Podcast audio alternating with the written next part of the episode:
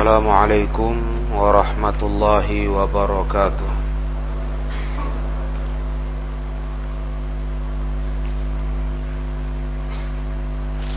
إن الحمد لله نحمده ونستعينه ونستغفره ونعوذ بالله من شرور أنفسنا ومن سيئات أعمالنا من يهده الله فلا مضل له ومن يضلل فلا هادي له أشهد أن لا إله إلا الله وحده لا شريك له وأشهد أن محمدا عبده ورسوله يا أيها الذين آمنوا اتقوا الله حق تقاته ولا تموتن إلا وأنتم مسلمون يا أيها الناس اتقوا ربكم الذي خلقكم من نفس واحدة وخلق منها زوجها وبث منهما رجالا كثيرا ونساء واتقوا الله الذي تساءلون به والأرحام إن الله كان عليكم رقيبا يا أيها الذين آمنوا اتقوا الله وقولوا قولا سديدا يصلح لكم أعمالكم ويغفر لكم ذنوبكم ومن يطع الله ورسوله فقد فاز فوزا عظيما فإن أصدق الحديث كتاب الله وخير الهدى هدى رسول الله صلى الله عليه وسلم وشر الأمور محدثاتها فإن كل محدثة بدعة وكل بدعة ضلالة وكل ضلالة في النار أما بعد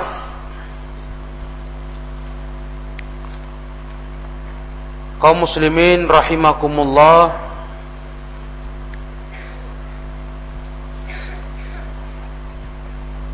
melanjutkan pelajaran Kitabul Haji yang mana kita sudah memasuki fasal tentang hukum ramyul jimar.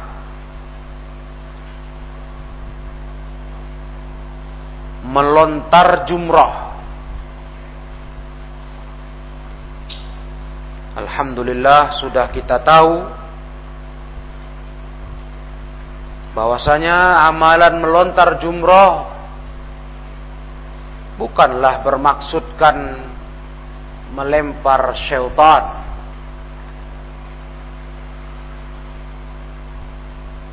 bukan maksudnya melempar syaitan walaupun sejarah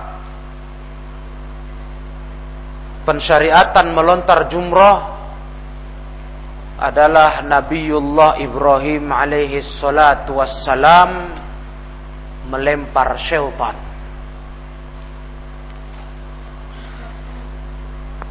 Tapi bagi umat Islam mengamalkan melontar jumrah adalah mengamalkan tuntunan Rasulullah sallallahu alaihi wasallam dalam rangkaian ibadah haji. Dan makna melontar jumrah dikatakan melontar syaitan dari apa yang dilakukan Nabiullah Ibrahim alaihi salatu wassalam itu artinya amalan melontar jumrah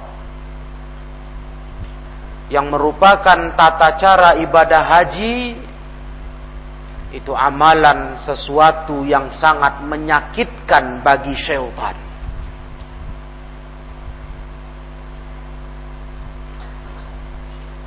Karena syaitan merasa tertekan melihat kepatuhan umat manusia, kaum muslimin, para duyufur rahman dalam menyempurnakan ibadah haji mereka sampai mereka melontar jumrah yang hakikatnya bukan lagi syaitan yang muncul. Seperti zaman Nabi Ibrahim waktu itu. Dan ini lebih menyakitkan para ikhwah. Dibandingkan langsung tubuh syaitan itu. Yang terlempar. Lebih jauh sakit rasa syaitan. Melihat ketaatan umat Islam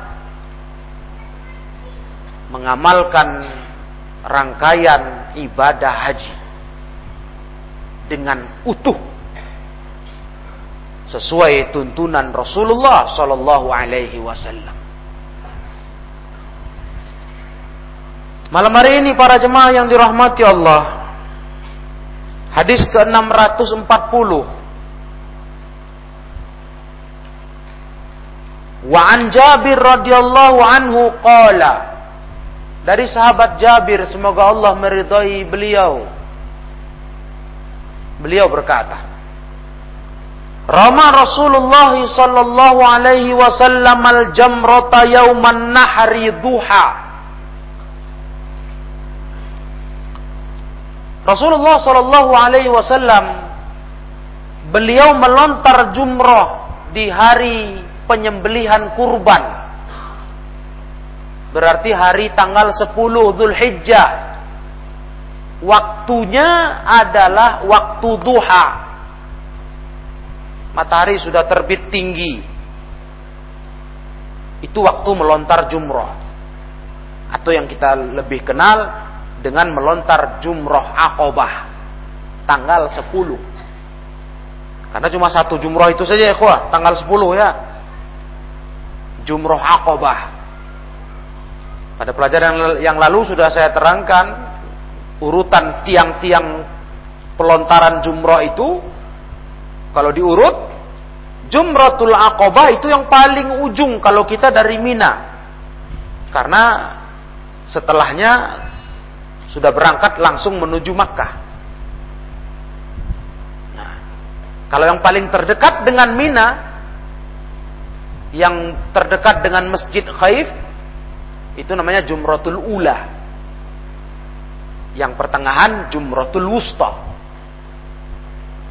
Nah, Rasul melontar jumrah Aqabah di tanggal 10 Zulhijjah, Yaumun Nahri, itu waktunya duha.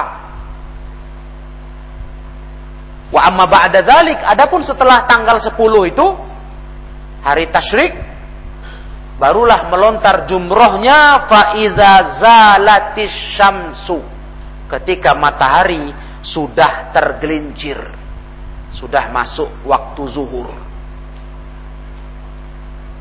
Itu di tanggal 11, 12, 13. Bagi yang mau menyempurnakan sampai nafarsani.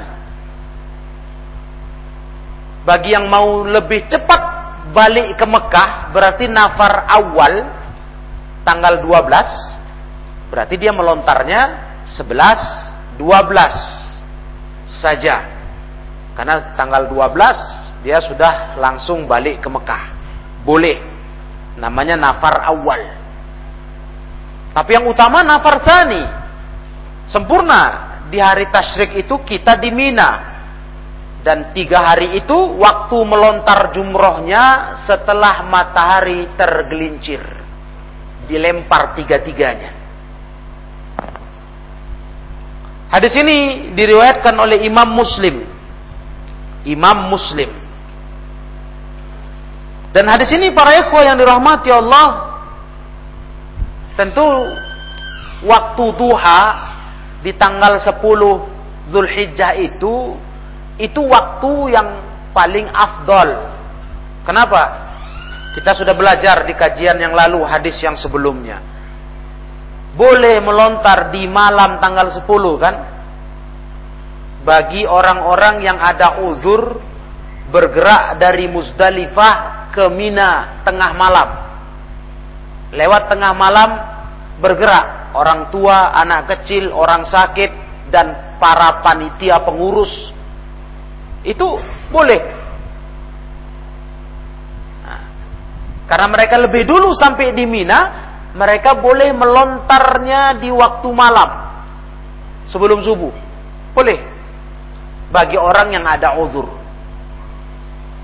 Adapun yang nggak ada uzur yang kita sudah kaji, yang malah kita anjurkan sangat menetaplah di Musdalifah, mabit, tidur sampai subuh.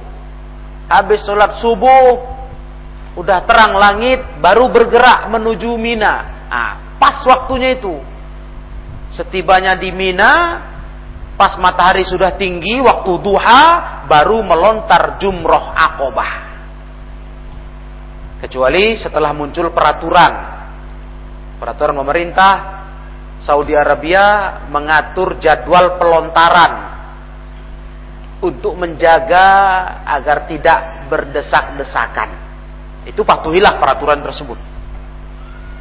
Nah, karena peraturan pemerintah Saudi Arabia untuk kemaslahatan jamaah haji. Supaya jangan timbul lagi insiden-insiden kecelakaan. Karena kepadatan manusia. Nah, nah kalau tak ada peraturan itu, Tentu kita mengejar waktu afdol. Ketika matahari sudah tak naik waktu duha. Nah, langsung dari Muzdalifah ke Mina, Mina melontar jumroh. Jumrohul Aqabah. Nah, dan untuk mereka-mereka yang tadi dari awal dari uh, malam di Muzdalifah malam sudah berangkat ke Mina, nah, boleh melontar lebih cepat dan itu merupakan keringanan bagi orang yang punya uzur dan para pengurus-pengurus mereka, pendamping-pendamping ya dari pengurus haji dan sebagainya. Para ikhwan yang dimuliakan Allah tabaraka wa taala, barulah yang sisanya melontar jumroh di hari tasyrik tak boleh kecuali waktunya setelah matahari tergelincir ba'da zawal. Tidak boleh pagi. Harus setelah matahari tergelincir. Kajian yang lalu saya terangkan ke ikhwah kalau biasa praktek yang nampak kita jalani kita sholat zuhur dulu di Masjid Khaif di Mina. Nah, itu setelah zuhur baru kita mulai melontar jumratul ula, jumratul wusta, jumratul aqobah. Begitu. Itu tanggal 11, 12, 13. Nah. Dan para ulama kata Imam Nawawi dalam syarah Sahih Muslim, ya, madhab kami kata Imam Nawawi, madhab Syafi'iyah, madhab Imam Malik, Imam Ahmad, dan mayoritas ulama mengatakan tak boleh melempar di tiga hari itu kecuali setelah matahari tergelincir. Betul-betul nggak boleh mazhab Syafi'i, Maliki, Hambali. Tidak boleh. Jangan. Jangan lebih cepat. Jangan bersegera pagi-pagi di hari tasyrik tanggal 11, 12, 13 sudah berangkat ke tempat melontar jumroh. Bukan belum waktunya itu, belum. Hmm. Adapun pendapat Imam Abu Hanifah membolehkan melontar jumroh di hari ketiga. Hari tasyrik ketiga, berarti tanggal 13. Nah, itu baru pendapat Imam Abu Hanifah boleh sebelum zawal. Sebelum matahari tergelincir. Berarti sebelum tengah hari. Itu hanya hari ketiga. Itu kata mazhab Abu Hanifah. Tapi kalau tiga mazhab lagi mengatakan tidak bisa tiga hari tasyrik itu 11, 12, 13 melontar jumroh itu waktunya setelah matahari tergelincir. Nah dari sinilah kita tahu para ikhwah yang dirahmati Allah masalah mulai melontar jumrohnya sudah jelas kalau hari-hari tasyrik.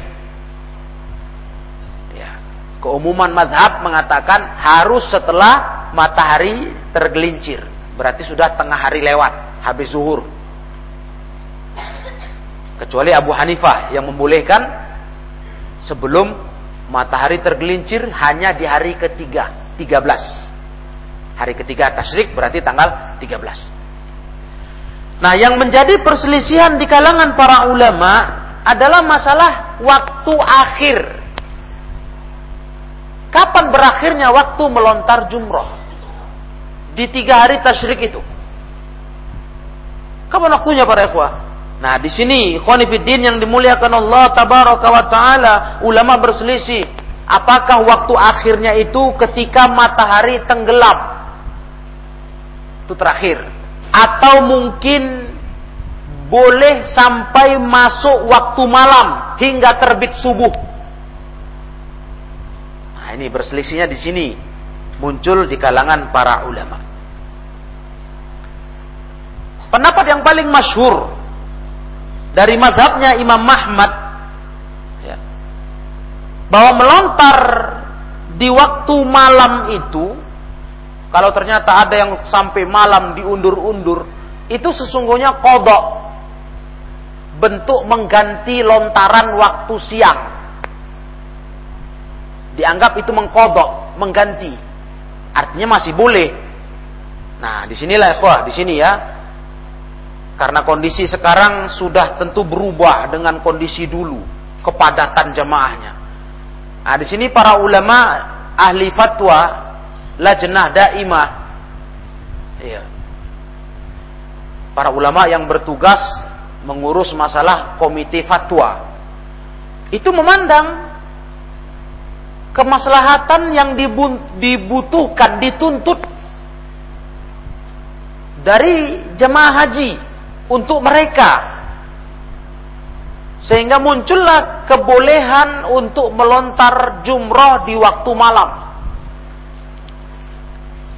Berarti kalau waktu tanggal 11, di waktu malam untuk tanggal 11 itu, berarti malam 12. Begitu. Bukan dipercepat ya, masalah akhir akhir waktunya. Diperpanjang sampai malam. Karena kalau siang mungkin teramat padat. Padat betul Bahkan sudah ada pengaturan tentang orang-orang Asia Tenggara jam sekian jam sekian jangan masih padat. Nah, kalau ada orang yang kadang berat betul dia menghadapi kepadatan itu karena padat yang betul padat ikhwanifidin luar biasa. Maka di sini boleh untuk melakukan melontar jumroh yang harusnya siang tanggal 11 setelah matahari tergelincir diundur sampai ke malam. Asal jangan sampai subuh lagi, itu udah masuk hari ke-12. Nah, itu dia. Karena kondisi para ikhwah memang begitu. Kondisi yang luar biasa. Luar biasa berat. Ketika jemaah haji tahun ke tahun semakin ramai, semakin banyak. Istilah ulama di sana ada zihamul azim. Ziham itu desak-desakan yang luar biasa. Ah, luar biasa. Memang haji itu berat ya, sesungguhnya. Haji itu berat. Ibadah haji itu berat. Nah, butuh perjuangan, butuh kesiapan fisik, kesehatan, semangat. Nah, yang paling terinti tentu iman. Karena tanpa dorongan iman rasanya kita mau nggak nggak nggak meneruskan ibadah haji itu, males. Karena luar biasa, luar biasa. Iya, Islam itulah Islam rahmatnya kepada umat ini. Allah Taala hanya mewajibkan haji itu sekali, wajibnya itu. Karena setelah sekali itu cukup sudah. Nggak ada tuntutan dua kali kalau bab wajibnya ya, cukup sekali. Karena berat. Berat. Makanya kadang saya berpikir, ketika sering ketemu dengan jemaah haji, mereka berkata, iya, artinya ngobrol, berbicara. Kalau mereka, kalau bisa lah katanya, aku mau tiap tahun haji. Saya lihat di wajahnya, ini orang ngomong betul lah, apa main-main. Tiap tahun kau haji, Haji itu bukan amal main-main, bukan amal ringan, bukan senang-senang. Itu amalan berat. Hmm. Jangan asal bicara atau menunjukkan sepertinya dia sangat cinta dengan tanah suci. Gak begitu ngomongnya. Kenapa? Haji itu berat, ikhwah. Ya. Amalan yang luar biasa itu. Sehingga kita dibutuhkan, dituntut untuk selalu sehat, semangat kuat iman, untuk mengamalkan kesempurnaan ibadah haji, termasuklah jangan sampai luput kita dari rangkaian ibadah di dua masjid yang mulia Haramain. Lima waktu. Wah itu berat. Kepadatan jemaah yang sangat luar biasa di musim itu berat. Tawafnya berat sa'inya berat iya tadi sudah kemarin sudah sudah kita bahas di pelajaran yang lalu di Arafah, di Muzdalifah, di Mina sampai melontar jumroh. Wah, luar biasa itu. Menguras tenaga. Hmm, menguras tenaga. Nah, jadi begitulah ma'asyiral ikhwah yang dirahmati Allah tabaraka wa taala. Makanya Lajnah Daimah atau Rabithah Alam Islami waktu diketuai masih oleh Syekh Abdullah Abdul Aziz bin Abdullah bin Bas pada tahun 1394 Hijriah. 1394 Hijriah. Nah, sekarang 1442. Itu Syekh bin Bas masih hidup.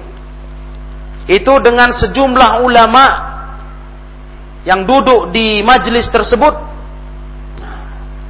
mereka melahirkan fatwa terkait dengan masalah waktu ini. Melihat pertimbangan ramenya manusia. Banyaknya jamaah haji itu. Maka muncullah fatwa sebagai berikut. Yang pertama jawazu rammi jamratil aqabah ba'da muntasif lailat lailatan nahri lil lisyafaqati 'ala nisa wa kibaris sinni wal ajizin. Fatwa pertama ini kumpulan ulama-ulama besar.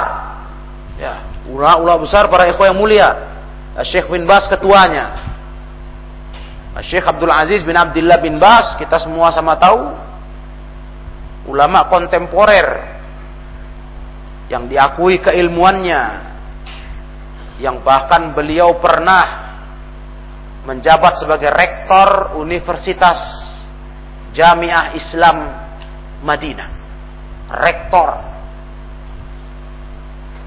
Dan beliau duduk sebagai ketua penasehat agung kerajaan Saudi Arabia.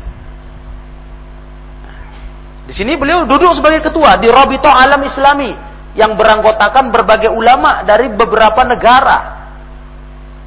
Beliau pun jadi ketua di situ. Sama seperti Lajnah Daimah, beliau pun duduk sebagai ketua. Kalau Lajnah Daimah itu badan ulama negara Saudi Arabia dalam negeri.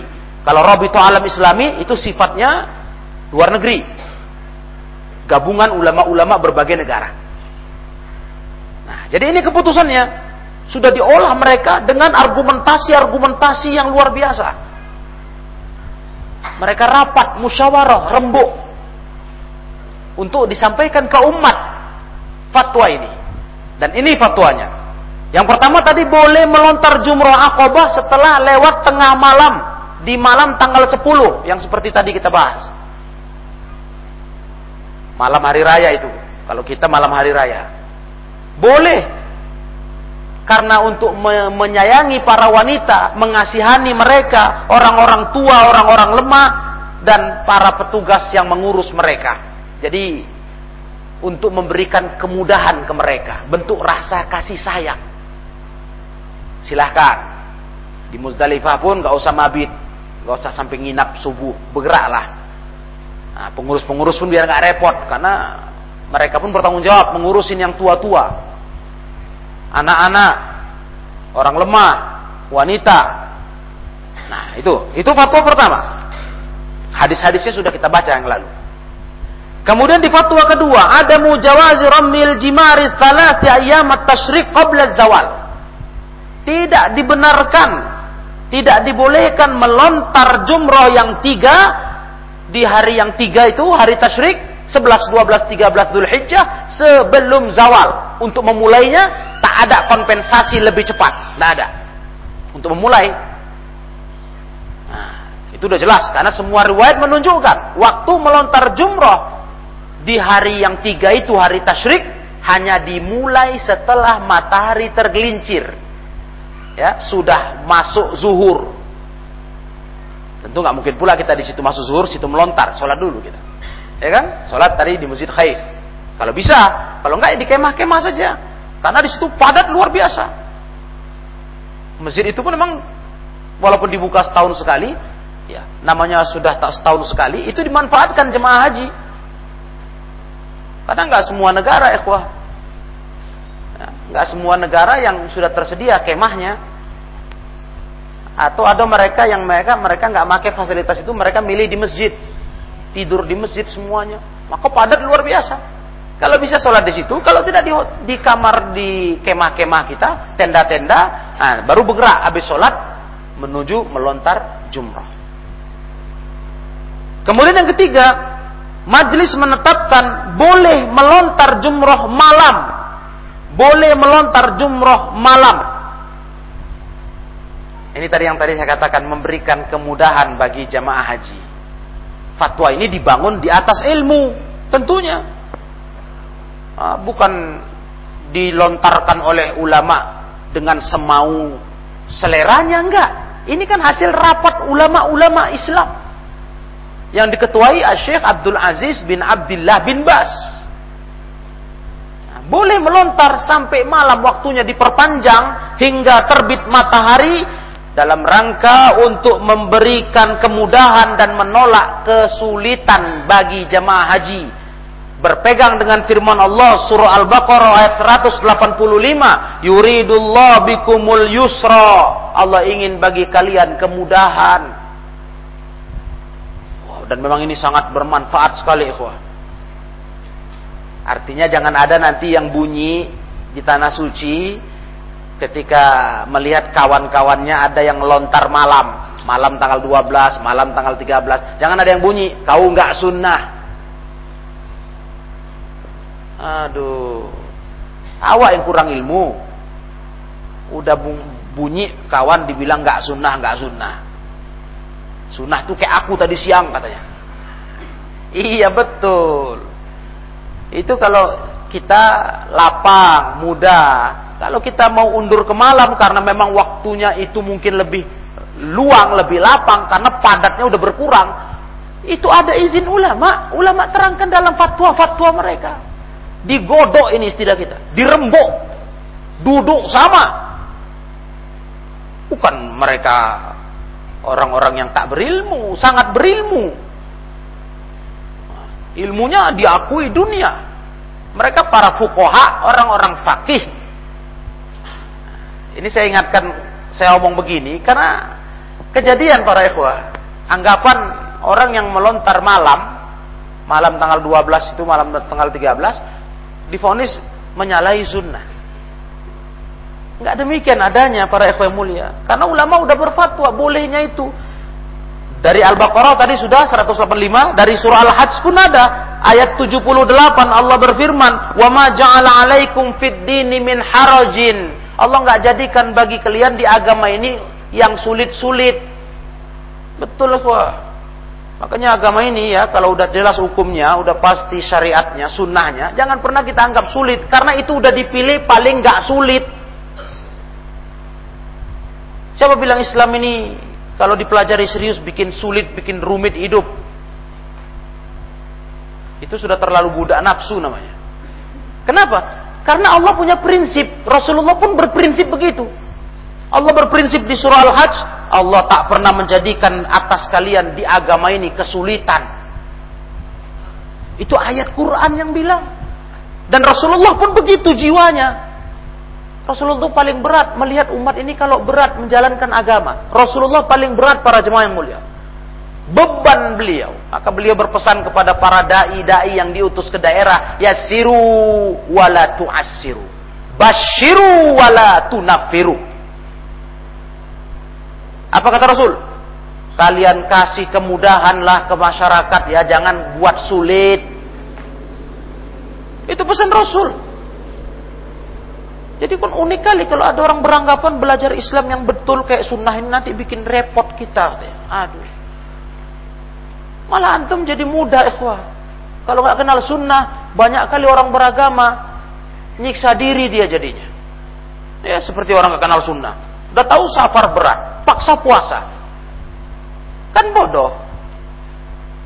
Iya kan bodoh namanya itu. Islam mengizinkan, Allah mengizinkan, Rasulullah mempraktekkan Orang safar itu uzur, boleh buka, nanti ganti fi ayamin ukhor. Tuh nggak belajar sunnah. Terakhir setengah mati dia, dia takut buka. Malu katanya. Awak udah tua gini buka puasa pula. Kan membodohkan, merugikan diri sendiri. Islam mengizinkan, Allah mengizinkan, Rasul mempraktekkan. Bagaimana kok terus malah dipaksanya kali puasa padahal safarnya safarnya udah berat. Kecuali safarnya ringan. Bolehlah boleh hukumnya bukan harus pula boleh puasa. Ini udah safar berat. Terakhir lihat kawan satu kendaraan minum makan udah dia tersiksa merasa pula inilah orang-orang yang meremehkan syariat Islam waduh wah yang salah orang di dipelototinya karena nggak belajar sunnah. Takut pula belajar sunnah itu jadi berat kita. Semua tahu mana yang dilarang-dilarang. Oh, masya Allah. Tidak. Islam ini ya, ikhwah. Antum merasakanlah sendiri kalau makin rajin kita belajar ini. Terasa betul kalau udah menyempit sebuah masalah itu nanti datang ke lapangan, kemudahan. Nah, mesti begitu. Ada aja kemudahannya. Bukan terus mentok, bingung enggak? Datang kemudahan. Datang kemudahan, datang uzur. Ya, yang membolehkan kita untuk berbuat sesuatu yang dilarang. Kan begitu. Ad-daruratu tubihul mahdurat. Itu kaidah usul fikihnya. Yang darurat itu membolehkan yang dilarang. Itu semua kita tahu karena belajar sunnah. Nah, inilah para jemaah yang dirahmati Allah. Jadi dengan dalil-dalil itulah ulama-ulama tadi berfatwa. Waktu melontar jumroh boleh diperpanjang sampai malam. Batasnya terbit subuh. Subuh pagi tanggal 12, jangan sampai subuh. Itu udah masuk hari berikutnya. Artinya eh, amalan melontar berikutnya, tanggal 12. Walaupun waktu yang utama kalau memang nggak ada halangan ya sampai sebelum matahari terbenam. Qoblal ghurub. Nah, tapi kalau kondisi yang kayak sekarang tahun-tahun haji yang padat-padat ini ya silahkan. Yang ngelontar malam silahkan. Nah, tidak ada masalah. Ditambah lagi kata ulama li adami dalil sahih as-sarih dali ala man ramli ramyi lailan. Karena ditambah pula nggak ada dalil yang sahih yang jelas-jelas menunjukkan dilarang melontar di waktu malam. Nggak ada. Makanya ulama dengan dasar ayat-ayat tadi mengeluarkan fatwa boleh. Karena yang melarang terang-terangan nggak ada. Iya, nggak ada begitu. Para ikhwan yang dirahmati Allah. Jadi nggak masalah kalaupun kondisinya memang mau cari ke lapangan melontar malam. Tapi kalau mampu, ya yang utama tadi habis zuhur langsung lontar. Hmm. Kecuali yang tadi saya terangkan ke ikhwah di kajian yang lalu ada aturan kan? Ada aturan bagi jemaah haji Indonesia Asia Tenggara lah. Itu kalau tanggal 12 nah, tanggal 12 nah, itu dilarang Ba'da zawal langsung melontar karena itu waktu padatnya melontar orang yang mau nafar awal, ya kan? Yang mau nafar awal pulang lebih cepat ke Mekah, meninggalkan Mina, itu waktu itu sangat ramai. Karena mereka mau bergeser langsung habis melontar terus ke Mina, uh, terus ke Mekah dari Mina. Itu ramai biasanya. Jadi pengaturan itu diperhatikan dan itu mesti ada penyuluhan. Penyuluhan dari ketua ketua kloter membimbing ketua regu untuk menyampaikan ke jemaah. Kita melontar ditunda misalnya. Nah, ada jam-jamnya dari pemerintah Saudi. Pengaturan supaya tertib. Jadi nggak berdesak-desakan nanti muncul insiden lagi. Timbul kecelakaan, tabrakan. Bukan tabrakan sama kendaraan, tabrakan orang. Iya, karena nggak ada kendaraan di situ ya. Di Mina itu tak boleh ada kendaraan. Itu manusia berjalan semua. Jadi tabrakan orang. Nah itu nggak main-main.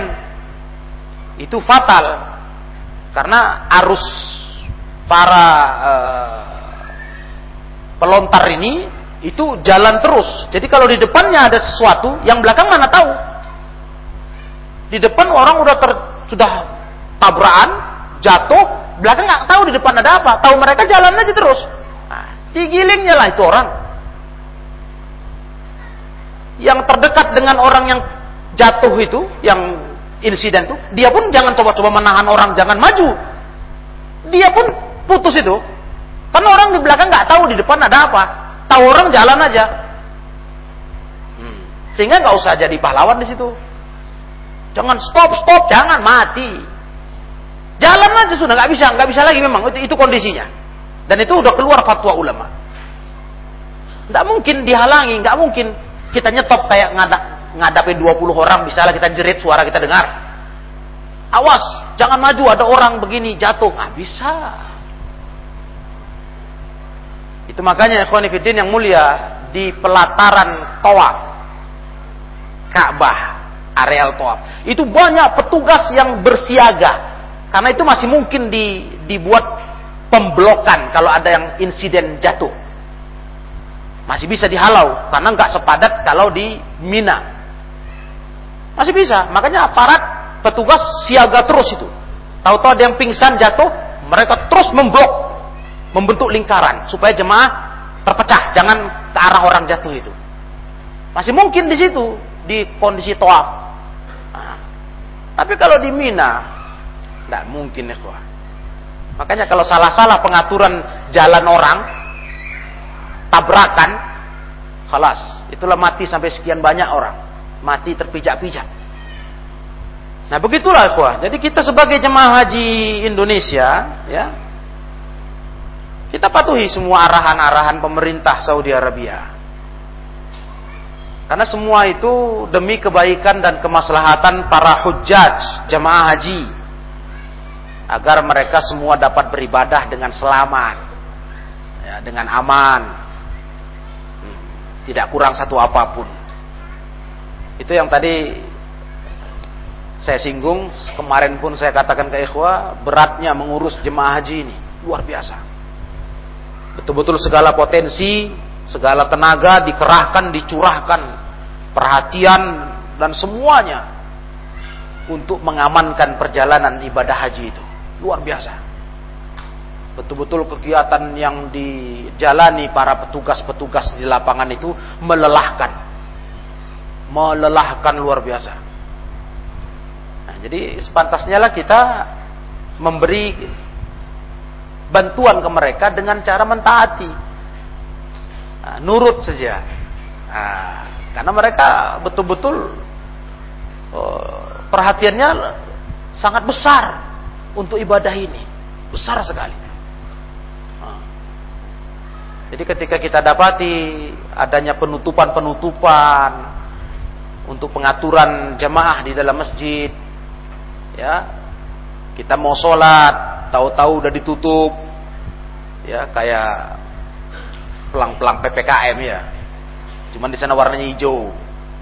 Nah ditutup. Ya sudah jangan dipaksa terobos.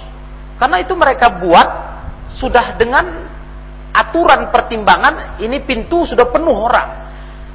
Nggak mungkin dikasih masuk lagi. Nah, jadi dialihkan lewat sana. Jangan sini lagi. Nah, itu jangan diloncati. Nah, Artinya turutilah, patuhilah, ikhwah. Walaupun tentu kita kadang, ya, udah nggak enak hati kok dihalangi, kok nggak bisa masuk, mutar jauh lagi. Tapi patuhilah. Itu bukan asal tutup-tutup suka hati. Nah, itu maksud saya mengingatkan bagi para ikhwah yang akan berangkat ke tanah suci. Nah, di sana turutilah, patuhilah aturan itu. Baik kita berhaji atau berumroh. Nah, yang pasti mereka itu bertindak, petugas-petugas di lapangan itu semua dengan arahan yang sudah diperhitungkan. Betul-betul udah perhitungkan. Jadi tinggal kita mengatur diri saja. Kalau memang berharap tak dapat penutupan pintu, datang lebih cepat. Nah, karena ada aturan setengah jam mau masuk azan ditutup. Mengingat jemaah sudah penuh areal pintu sini, nah pintu sana yang masih belum. Jadi kalau kita mau memang bebas masuk mana aja, datanglah dua jam sebelum sholat. Antum masuk pintu mana aja terbuka. Tapi datang udah mau komat kayak di Indonesia aja. Ya nggak dapat lah masuk dalam. Mungkin semua pintu ditutup. Tinggal di halaman. Dibuatnya kayak di Medan. Udah mau komat baru ke masjid ya. Mana dapat lagi. Nah, itu saya katakan pernah kepada salah satu jemaah. Grundel dia, ikhwan. Marah. Wah, begini.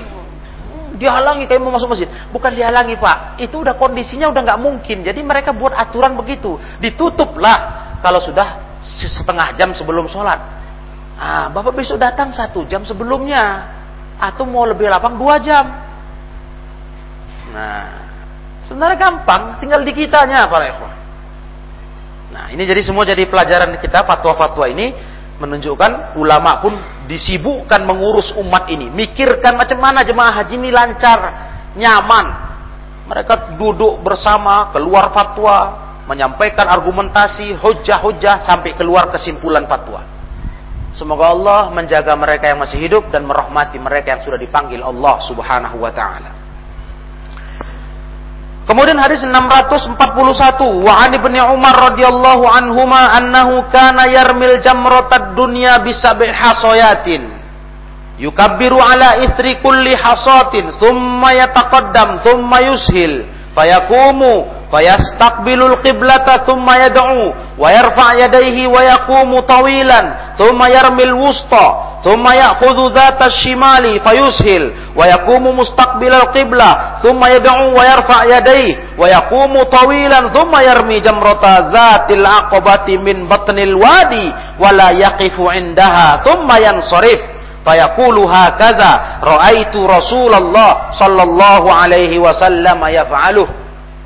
Hadis riwayat Bukhari ini dari sahabat Ibnu Umar radhiyallahu anhuma praktek beliau dan beliau sangat dikenal paling mirip kalau soal beramal paling mirip dengan Rasulullah sallallahu alaihi wasallam. Dan di akhir di akhir riwayat ini beliau sebutkan, beginilah aku lihat Rasul berbuat. Jadi Ibnu Umar itu para ikhwah, semoga Allah meridhai keduanya, Abdullah bin Umar. Beliau melontar jumroh yang paling rendah, al-jumratud dunia jumroh al-ula yang pertama itu, itu dengan tujuh batu kecil, kerikil. Ya, udah kita baca kemarin tuh kan, melontar tuh pakai kerikil, nah, batu-batu kecil, tujuh butir. Beliau bertakbir setiap selesai melontar, lontar. Allahu Akbar. Lepas batu, Allahu Akbar. Takbir, tujuh kali berarti, karena tujuh batu. Hmm. Kemudian beliau maju. Beliau menuju ke tempat yang yushil. Yushil dikatakan tempat yang paling rendah dari e, bumi, yang agak rendah. Ya, walaupun sekarang kalau kita lihat sudah rata. Waktu itu kan masih belum seperti sekarang. Sudah dibangun permanen, cantik. Nah, kemudian beliau tegak menghadap ke kiblat, terus berdoa mengangkat kedua tangannya. Tegak lama, yakumu tawilan ini habis melontar nih, Pak. Habis melontar pertama, beliau cari posisi yang agak rendah. Kemudian beliau ngadap kiblat, angkat tangan berdoa. Lama, tawilan. Doanya terserah, nggak disebutkan rincian doa itu. Habis berdoa kemudian beliau melontar, melontar ke jumroh yang tengah. Jumroh al-wusta, melontar. Beliau ya'khudz zatas shimali fayushil wa yaqumu mustaqbilal qiblah. Begitu pula beliau mengambil sisi kiri Beliau cari tempat rendah habis melontar itu dan beliau tegak menghadap kiblat juga berdoa. Angkat tangan, doa lama, tawilan. Tuh, setelah melontar kedua. Jadi dua kali doa ya, Ikhwah. Lontar pertama habis tujuh kali, tiap lontar takbir ngadap kiblat. Ngadap kiblat, doa. Pindah kepada jumroh yang kedua, jumrohul wusta, lontar tujuh kali, tiap melontar takbir, kemudian ngadap kiblat, doa. Begitu amalan Ibnu Umar. Berikutnya sumayarmi jamrata zatil aqabati min batnil wadi. Beliau kemudian baru pindah ke tempat yang ketiga. Itulah jumrah zatul aqabah. Jumrah al-aqabah. Itu yang berada di batnil wadi. Di uh, perut lembah. Jumrah aqabah. Waktu itu kan begitu memang tanahnya nggak rata. Nah, sekarang udah dibuat rata oleh pemerintah. Dibuat permanen di situ beliau tidak tegak, ya. Beliau hanya melontar saja. Beliau nggak buat kayak yang pertama dan kedua. Kan pertama kedua habis melontar doa ngadap kiblat. Tiap melontar tujuh kali yang pertama doa, yang kedua doa, yang ketiga tidak. Begitu habis melontar tujuh kali langsung beliau pergi. Yang sorif berpaling, artinya berangkat pergi.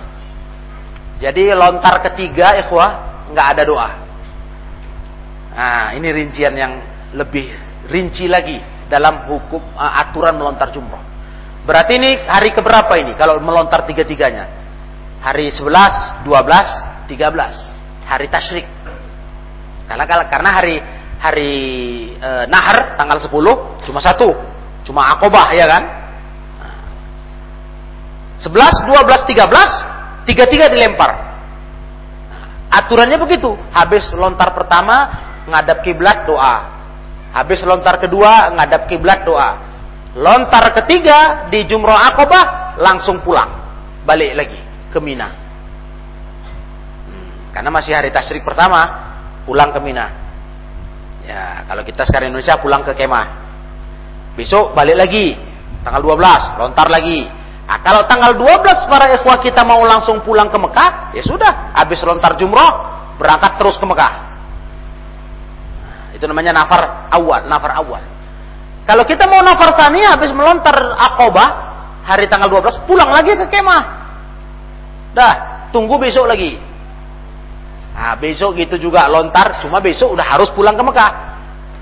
Ya, nggak ada lagi pulang ke Mina. Karena orang semua udah bergerak ke Mekah. Habis sudah. Mina udah kosong.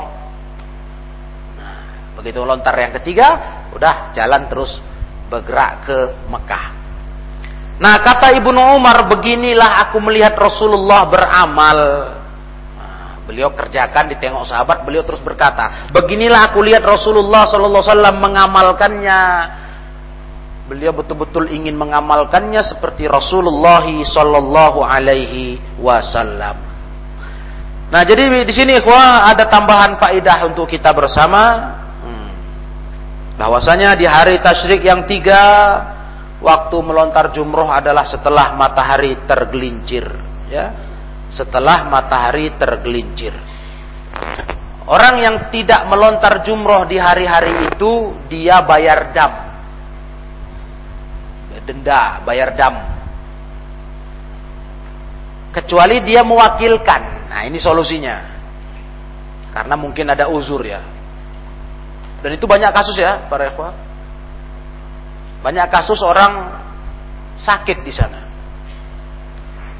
Kalau sakitnya belum sampai harus dirawat, mungkin bisa dia usahakan datang ke tempat melontar jumroh. Artinya tetap mengamalkannya. Tapi kalau sakitnya sampai dirawat, ya tentu dia nggak sanggup. Nah itu cepatlah berpesan kepada yang dia kenal atau petugas untuk mewakilkan, mewakilkan dia melontar jumroh. Jadi yang melontar ini melontar dulu tujuh kali atas nama dirinya, baru tujuh kali lagi untuk nama orang yang diwakilkannya. Nah, ini amalan kebaikan, nolong nolong saudara kita. Nah, jangan sampai para ikhwah seperti yang terjadi mewakilkan melontar jumroh ini menjadi sebuah ladang bisnis. Ada ongkosnya. Ini nggak pantas. Jadi ada yang begitu. Orang yang berhalangan, nah, sini saya lontarkan jumrohmu. Sekian real. Oh, ini nggak boleh sebenarnya. Karena ini babnya ibadah yang kita menolong saudara kita. Lagi pula itu nggak memberatkan. Mau sekali jalan kita melontar juga. Hah? Melontar juga kita kan? Iya. Siapkan aja batu untuk tiap tiang jumroh mau dilontar tuh 14 14 14. Tujuh kita, tujuh untuk kawan kita. Wakilkan dia. Kan gitu. Di mana beratnya? Di mana uh, harus berbayar segala? Nggak cocok. Tapi kalau tadi para pekerja-pekerja yang mendorong kursi roda orang-orang yang cacat fisik, itu ada ongkosnya, maklum karena dia bukan menjadi bagian daripada ibadah dia dorong orang itu kursi roda.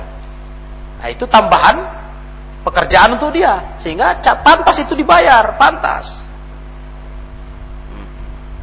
Jasa tenaga dia menyorong kursi roda itu pantas. Tapi kalau seperti melontar jumroh tak pantas ya. Nah, karena ini sebuah amalan yang sangat tidak memberatkan sekali jalan kita. Nah ini makanya kata ulama orang yang luput dari melontar jumroh nggak dia wakilkan, dia nggak melontar, dia bayar dam. Hmm, dia bayar dam. Dan urutan ini, khonifiddin, urutan melontar ini, ini kata ulama wajib, jangan sampai diacak. Wajib. Maka kalau bingung di sana, tanya. Jangan asal nampak tiang lempar. Ditanya yang mana yang ula.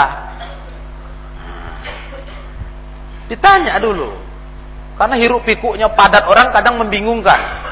Sehingga nggak ngerti mana nampak orang lempar, lempar lah sudah. Ini wajib kata ulama wajib.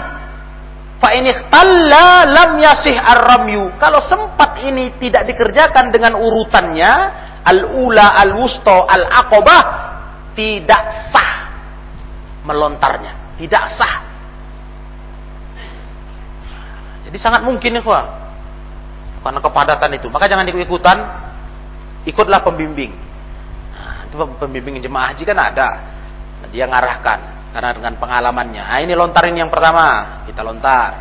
Ayo pindah yang kedua, ayo yang ketiga, gitu. Jadi nggak acak, asal dilempar saja, karena kita harus betul-betul diurut hukum urut urutan itu adalah wajib. Dan harus dengan tujuh batu ya. Tujuh batu. Sab'i hasoyatin likulli jamrotin. Ini madhab jumhurul ulama. Tapi ya begitulah ikhwan. Namanya fikih. Ya ada saja yang mengganjil berpendapat selain itu. Mungkin jemaah haji di mana pun berada di Indonesia ini, tahunya lontar jumroh cuma tujuh batunya, ya kan? Tapi jangan salah ikhwah, ada pendapat yang mengatakan tak mesti tujuh, boleh melontar dengan enam batu, bahkan lima. Bayangan itu. Dan itu pendapatnya Imam Mujahid dan Atta. Tapi sebagaimana kaidah yang biasa saya tanamkan ke ikhwah, tentu bukan kita asal ada pendapat, kan nggak gitu. Nah, ini model kalau asal ada pendapat. Jadi kacau. Padahal jumhur ulama, mayoritas ulama semuanya bilang tujuh batu. Ya dalilnya begitu, hadisnya. Tujuh, tujuh, tujuh batu. Amal sahabat tujuh batu. Cuma kalau kita beragam main-main, suka-suka, ya ada pendapat kok. Ada boleh lima. Kan nggak begitu. Kita belajar fikih mengenal banyak pendapat bukan untuk dipilih pakai nafsu atau untuk bela diri biar nggak pernah salah ketika diterangkan dinasihati berdalih dengan fatwa ulama berbeda pendapat nggak begitulah ikhwah beragama itu main-main kita namanya nggak takut kepada Allah. Ya salah ini. Nah ini sekedar untuk ikhwah tahu. Jadi sampai urusan batunya pun masih ada perselisihan walaupun itu sangat mengganjal. Ya mengganjal mengganjil. Mengganjal pemahaman yang benar mengganjil beda sendiri dari keumuman seluruh ulama Islam. Inilah pendapat Imam Atta dan Mujahid. Atau dan Imam Mujahid. Nah, mereka sempat berpendapat boleh enam bahkan boleh lima batu. Nah, tentu ini nggak kita pandang kan, nggak kita ikut kan. Tentu kita ambil yang mayoritas ulama semua tujuh batu. Jadi nggak usah nyentrik segala. Banyak orang begitu kadang-kadang. Biar tampil nyentrik agak sedikit bisa tampil beda. Nah, pendapat-pendapat ganjil ini dibuatnya. Ketika orang agak heran nengok dia, wah dengan gagah dia berkata, ah, ada pendapat. Ini kalau di bab melontar saya belum jumpa sih, wah. Masalah jumlah batu. Tapi di masalah lain ah, saya sering jumpa. Sengaja dia buat di tengah jemaah yang aneh, amalan yang nggak dikenal, orang nggak tahu itu ada pendapat, sengaja dibuat mancing orang bertanya. Ketika orang bertanya, atau mungkin orang menasihati dia kalau merasa orang yang merasa dia salah, ah di situlah dia muncul nyentriknya tadi. Oh, anda nggak tahu, ini ada pendapat. Loh, apakah tiap ada pendapat kau kerjakan? Hah? Apa begitu beragama? Asal ada pendapat dibuat. Nggak bisa lah. Kalau pendapat itu ulama yang melontarkannya salah, dia pahala. Kitanya nggak pahala, ikhwah, kalau ikut yang salah. Jadi ada nyentrik ya, bukan dasarnya berpegang sama hujah. Nyentrik kata kita. Iya kan? Cari sensasi. Cari sensasi di tengah umat. Biar memancing orang bertanya, terus dia melontarkan hujah menurut dia. Padahal itu pendapat yang memang ada tapi lemah. Lemah yang nggak pantas diikut. Nggak cocok ikhwan fiddin rahimakumullah. Kalau pendapat yang selemah itu, kayak ini melontar batunya lima atau enam, ya lemah lah itu pendapatnya. Nah, hadisnya udah ikhwan dengar, melontar itu tujuh batu.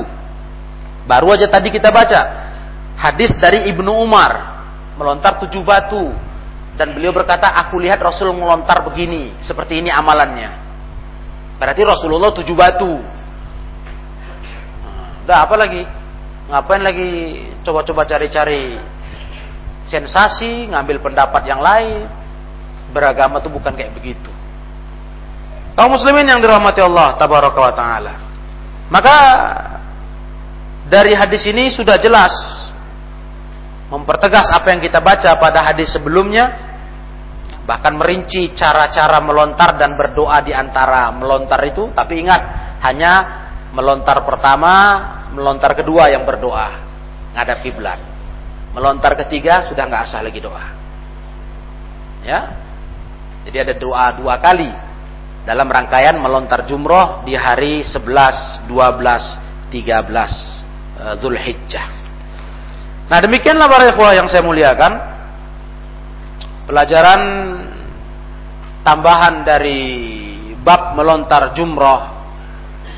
Ya hadis sampai hadis 200 eh, 641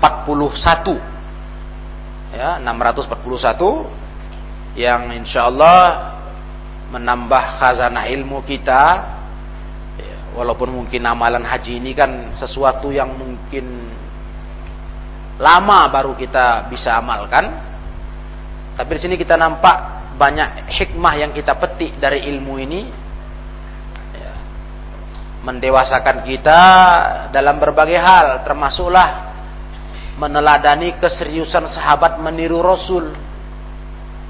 Kan itu tadi hadis terakhir 641. Ibnu Umar betul-betul meneladani Rasul dalam segala aktivitasnya. Nah, itu makanya jangan ada yang berpikir, ah untuk apa kita belajar dulu masalah manasik haji, toh kita entah kapan-kapan haji. Jangan haji daftar aja belum. Ya nggak begitu. Namanya ilmu din, ilmu agama ini memberikan penyegaran iman ke hati kita. Ya, bahkan dengan ikhwah dengarkan antusiasnya masyarakat ke tanah suci menambah iman kita. Kita bisa boleh boleh berpikir begini, kita di posisi yang berapa ya? Mendengarkan mereka begitu bersemangat sampai berdesak-desakan mengamalkan ibadah haji. Dengan mengeluarkan biaya besar. Dalam bersegera berbuat kebaikan saya di posisi keberapa ya? Kan begitu. Itulah gunanya ilmu ini. Bukan hanya untuk pelatihan yang mau berangkat haji. Mungkin ada yang berpikir begitu. Ah, aku tak perlu ini ngaji. Tak kapan berangkat haji? Enggak begitu, ya. Karena barokatul ilm, barakah ilmu itu luar biasa. Jadi kita menjadi motivasi kita dan kita bertanya ke diri kita, lihat orang antusias beribadah haji itu. Saya di posisi yang keberapa dari hamba-hamba Allah itu dalam berlomba di jalan kebenaran, kebaikan. Nah itulah guna ilmu ini dikaji. Dan alhamdulillah kita sudah dapatkan dua hadis tambahannya. Nah, nanti kita lanjutkan di hadis berikutnya insyaallah tentang masalah tahallul. Ini bagaimana bertahallul melepaskan status kita berdari ihram setelah ibadah haji untuk kita menjadi orang yang bebas kembali dari larangan-larangan ihram. Nah, itu akan kita bahas pada kajian hadis 642 insyaallah taala. Demikianlah saya cukupkan. Semoga bermanfaat. Wallahu a'lam bissawab. Wa akhiru da'wana anil hamdulillahi rabbil alamin.